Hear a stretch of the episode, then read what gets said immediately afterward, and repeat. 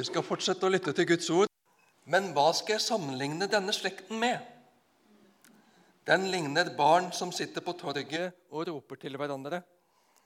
Vi spilte på fløyte for dere, men dere ville ikke danse. Vi sang klagesanger, men dere ville ikke sørge.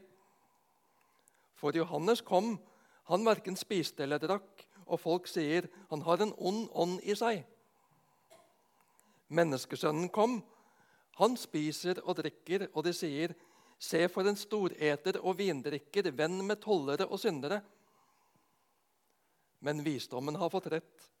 Det bekrefter gjerningene hennes. Slik lyder Herrens ord. Vær så god, sitt.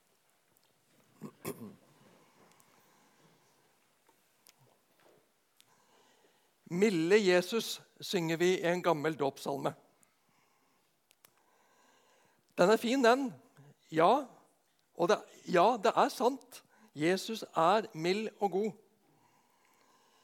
Men jeg synes det er befriende å lese at også Jesus hadde fullt følelsesregister, akkurat som deg og meg. Men han klarte å kontrollere dem bedre enn jeg gjør iblant. er så. I dag møter vi en frustrert Jesus, tror jeg. Folk er ikke nødvendigvis logiske og konsekvente i sin oppførsel og framtreden. Vil de ikke, så vil de ikke. Og argumentene kan gå i hytt og pine. Hva skal jeg sammenligne denne slekten med? Den ligner barn som sitter på torget og roper til hverandre. Vi spilte på fløyte for dere, men dere ville ikke danse. Vi sang klagesanger, men dere ville ikke sørge. Hva vil dere egentlig? Hva skal til for at dere blir fornøyd? Dere er noen prinsesser, vil ikke hele gjengen. Det var ikke Jesu ord, da. Det var pastorens ord. Situasjonen er at først så klager og kritiserer folk døperen Johannes for å være puritansk og knapt spise. Men når Jesus gleder seg med folk i bryllup og fest og spiser med vanlige folk som ikke er så prektige som forstår seg på henne, da er det også forferdelig gale. Hallo, kan vi be om litt grann konsistens og konsekventhet her? Vi kommer ikke i land. Vi kommer ikke fram om vi skulle prise alle mennesker med å gjøre alle fornøyd. Det nytter ikke. Noen ganger så kan vi bli så hensyntagende at vi ikke våger å stå for noe som helst. Nei, vi kan ikke si det, for da kan jo hun eller han bli støtt. Nei, vi må ikke gjøre det sånn, for da er det ikke sikkert at de kommer. Vi må tone ned, vi må være forsiktige, milde og runde i kantene. Vi skal være kloke og sindige. Ja, vi skal ikke la sinne og frustrasjon fare av gårde med oss. Og vi skal prøve, prøve å kommunisere og legge til rette slik at ytre ting ikke skyver folk fra oss, eller at rammene blir stående i veien for budskapet. Men vi må ikke fire på budskapet. Vi må ikke tilpasse budskapet og innholdet til kulturen rundt oss for å gli inn og bli akseptert. Vi er ikke relevante om vi i bunn og grunn bare sier det samme som alle andre. Hvorfor skal de da se til oss om vi står for akkurat det samme som dem? I livssynsundersøkelsen The American Worldview Inventory 2022 har et utvalg på omkring 1000 amerikanske pastorer fra forskjellige kirkesamfunn fått spørsmål om sin holdning til ulike sider av kristen tro og etikk. Undersøkelsen viser at over en tredjedel av hovedpastorene i amerikanske menigheter mener det holder å være et godt menneske om du ønsker deg til himmelen. Tre av ti evangelikale pastorer tror ikke at frelse avhenger av synsbekjennelse eller at man tar imot Jesus som sin frelser. 9% av pastorene mener at det ikke finnes noen absolutte moralske sannheter, og at hvert enkelt menneske må finne sin egen sannhet. Seksuelle relasjoner mellom ugifte som elsker hverandre, er moralsk akseptabelt, og Bibelen gir et tvetydig svar på om abort er riktig eller galt, ifølge mange pastorer. Undersøkelsen viser at bare 38% av pastorene mener at et menneskeliv er hellig. 37% mener det er viktigere med en eller annen form for tro enn å tro på en bestemt gud. Rapporten fra Cultural Research Center ved Arizona Christian University konkluderte med at stadig flere pastorer er i ferd med å miste sin tro på Bibelen. Og Denne tendensen kan etter forskernes mening registreres på tvers av kirkelandskapet. Leder for Cultural Research Center, George Barna, knytter de avdekkede holdningene til en annen trend som kan observeres ut fra svarene. Mange pastorer mangler åndelige rutiner. Da vi undersøkte pastorenes åndelige vaner, ble det tydelig at mange av dem ikke har noen slike. De leser ikke fast i Bibelen og ber ikke fast og tilber ikke Gud til daglig. De har ikke åndelige rutiner, sier barna og legger til det er en korrelasjon mellom det å ha bibelbaserte overbevisninger og å be og lese i Bibelen hver dag. I enkelte kirkesamfunn er det en overvekt av pastorer som mangler slike rutiner. Barna fortsetter. Jeg tror mange mener at religion handler om å være god og snill, og at du kommer til himmelen om du er det. Den tanken har ganske godt innpass også i det norske samfunnet. Samtidig så er det fortsatt mange som tror det er nødvendig med omvendelse og tro på Jesus for å bli frelst, sier trosforskeren Roald Seifert til Kristelig pressekontor. Det er viktig at vi forstår vår samtid på den måten at vi erkjenner situasjonen og rammebetingelsene vi lever i. Vi lever i et samfunn hvor Guds ord har svært liten autoritet. Men vi er ikke kalt til å være en av mengden. Vi er kalt til å være Jesu etterfølgere. Vi er kalt til å være lys og salt i verden. De fleste av oss vi har en hang til å blende inn og tilpasse oss omgivelsene. Vi er gode på kamuflasje. Vi liker ikke å skille oss ut. Men det er vårt kall å skille oss ut. Ikke som særinger som er mot alt, men som Guds barn som vil leve i tråd med vår skapers vilje. Som er avhengige av Jesu nåde og tilgivelse, og som lever så nær ham at vi tar farge av ham. At Guds kjærlighet som vi har fått ta imot, preger oss i møte med omgivelsene. Og den både provoserer og tiltrekker. Kristentroen har gjennom alle tider gått fram der den har stått i motstand og forfølgelse.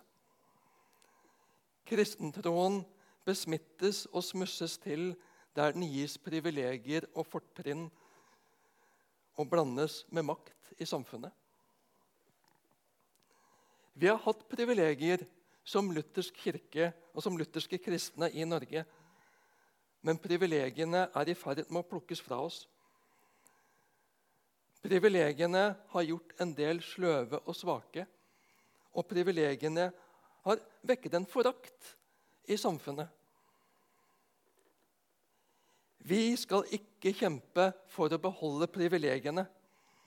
Vi skal kjempe for å beholde troen i et samfunn som ser det som lite tiltrekkende å tro på og la seg styre av en gud og hellige skrifter fra årtusener tilbake.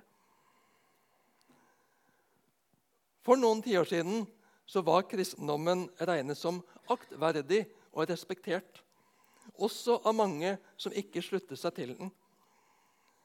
I dag kan kristne og kristentroen regnes som ond og umoralsk når vi ikke kan gå god for alt samfunnet rundt oss hyller og heier på.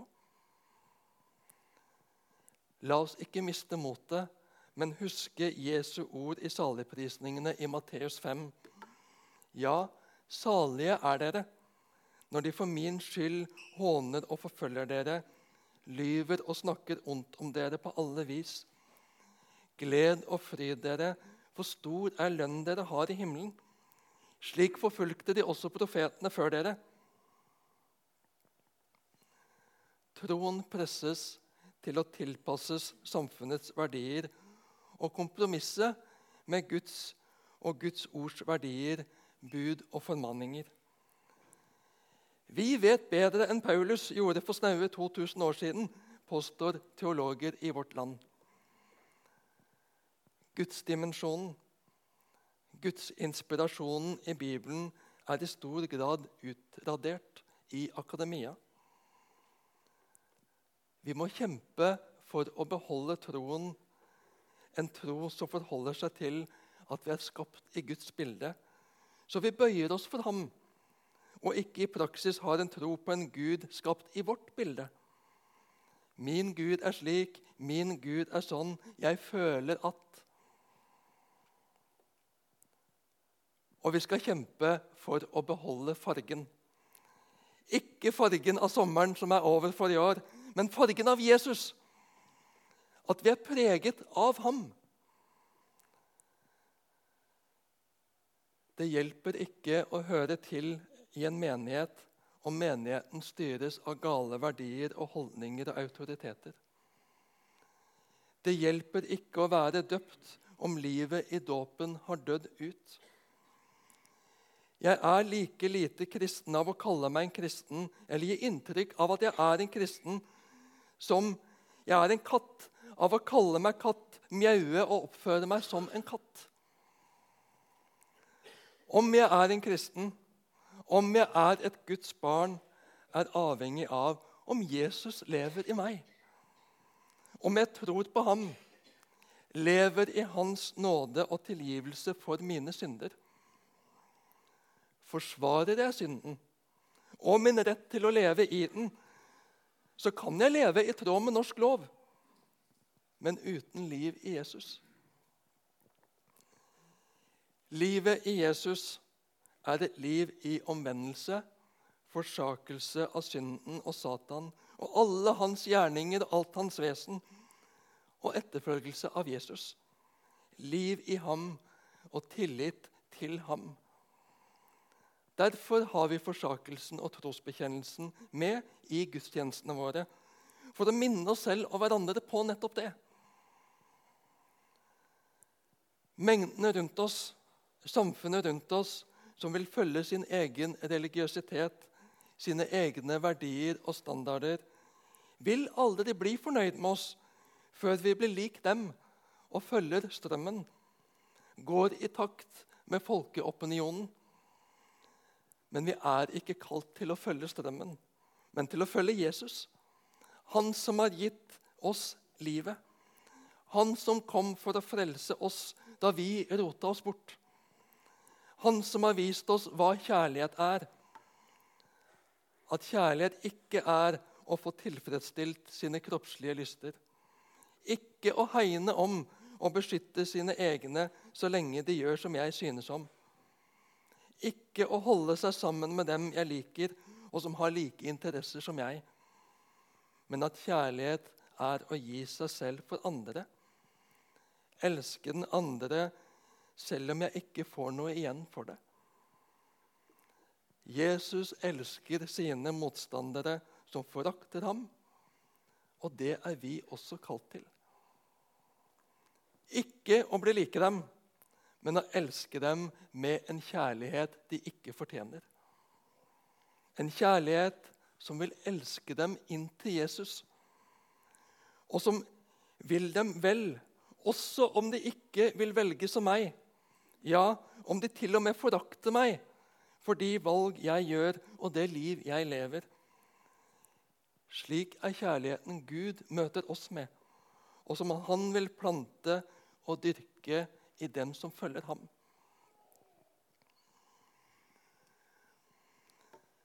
Men hva skal jeg sammenligne denne slekten med? Den ligner barna som sitter på torget og roper til hverandre. 'Vi spilte på fløyte for dere, men dere ville ikke danse.' 'Vi sang klagesanger, men dere ville ikke sørge.' For Johannes kom, han verken spiste eller drakk, og folk sier han har en ond ånd i seg.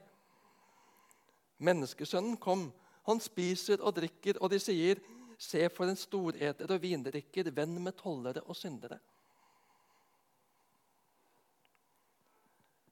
Mye tyder på at Jesus spiller på en barnesanglek i samtiden. Og barna som lekte bryllup, og de lekte begravelse. Og det blir beskrivende for Jesu poeng av hvordan denne slekt, altså samfunnet med sitt lederskap, forkastet både alvorsbudskapet til Johannes og gledesbudskapet til Jesus. Som Odd Sverre Hove skriver Summen av Jesu kritikk av denne slekten handler altså om handler altså alt i alt om den uengasjerte og skeptiske lydigheten folk fremviser i møte med Guds høyhellige åpenbaringsord. Først under døperen, døperens botsforkynnelse, og deretter under Jesu evangelieforkynnelse. Carl Fredrik Wisløff forklarte dette slik.: om noen forkynner Guds lov sant og alvorlig, blir den ofte avvist som streng og lovisk. Men om man forkynner evangeliet om syndenes forlatelse så fritt og åpent som det i sannhet er, da vil de samme skeptikerne mene at det der er altfor lett og billig. Det undergraver moralen i landet. Så vil man i stedet ha en forkynnelse midt mellom loven og evangeliet. Nok loven til å fremme moralen, og nok evangeliet til at vi har håp. Men dersom ikke loven får døde, kan heller ikke evangeliet få gjenføde. Hvert menneske, hvert enkelt menneske som vil bli frelst, som vil komme inn i Guds rike, trenger å se at jeg er fortapt i meg sjøl. Jeg er ikke i stand til å oppfylle Guds lov. Jeg er ikke i stand til å oppfylle Guds standard. Jeg er så langt ifra fullkommen, selv om jeg så ofte fristes til å prøve å se ut som at det er det. I hvert fall nesten. Jeg er helt avhengig av å få alt fra Gud. Jesus har gitt alt for oss. Jesus har gjort alt for oss. Men det er siste løsning for oss. Vi vil så gjerne få det til sjøl. Men når vi ser oss fortapt, først da ser vi at vi trenger Jesus soningsdød for oss. Ja, at vi er totalt avhengige av ham. Først da ser vi det befriende i hva Jesus har gjort for oss, og ta imot ham. For så høyt har Gud elsket verden, at han ga sin sønn den enbårne, for at hver den som tror på han, ikke skal gå fortapt, men ha evig liv. Har du sett deg fortapt i deg sjøl? Så du ser at du trenger Jesus, og sprunget til ham og invitert ham inn i ditt liv som din Herre og Frelser.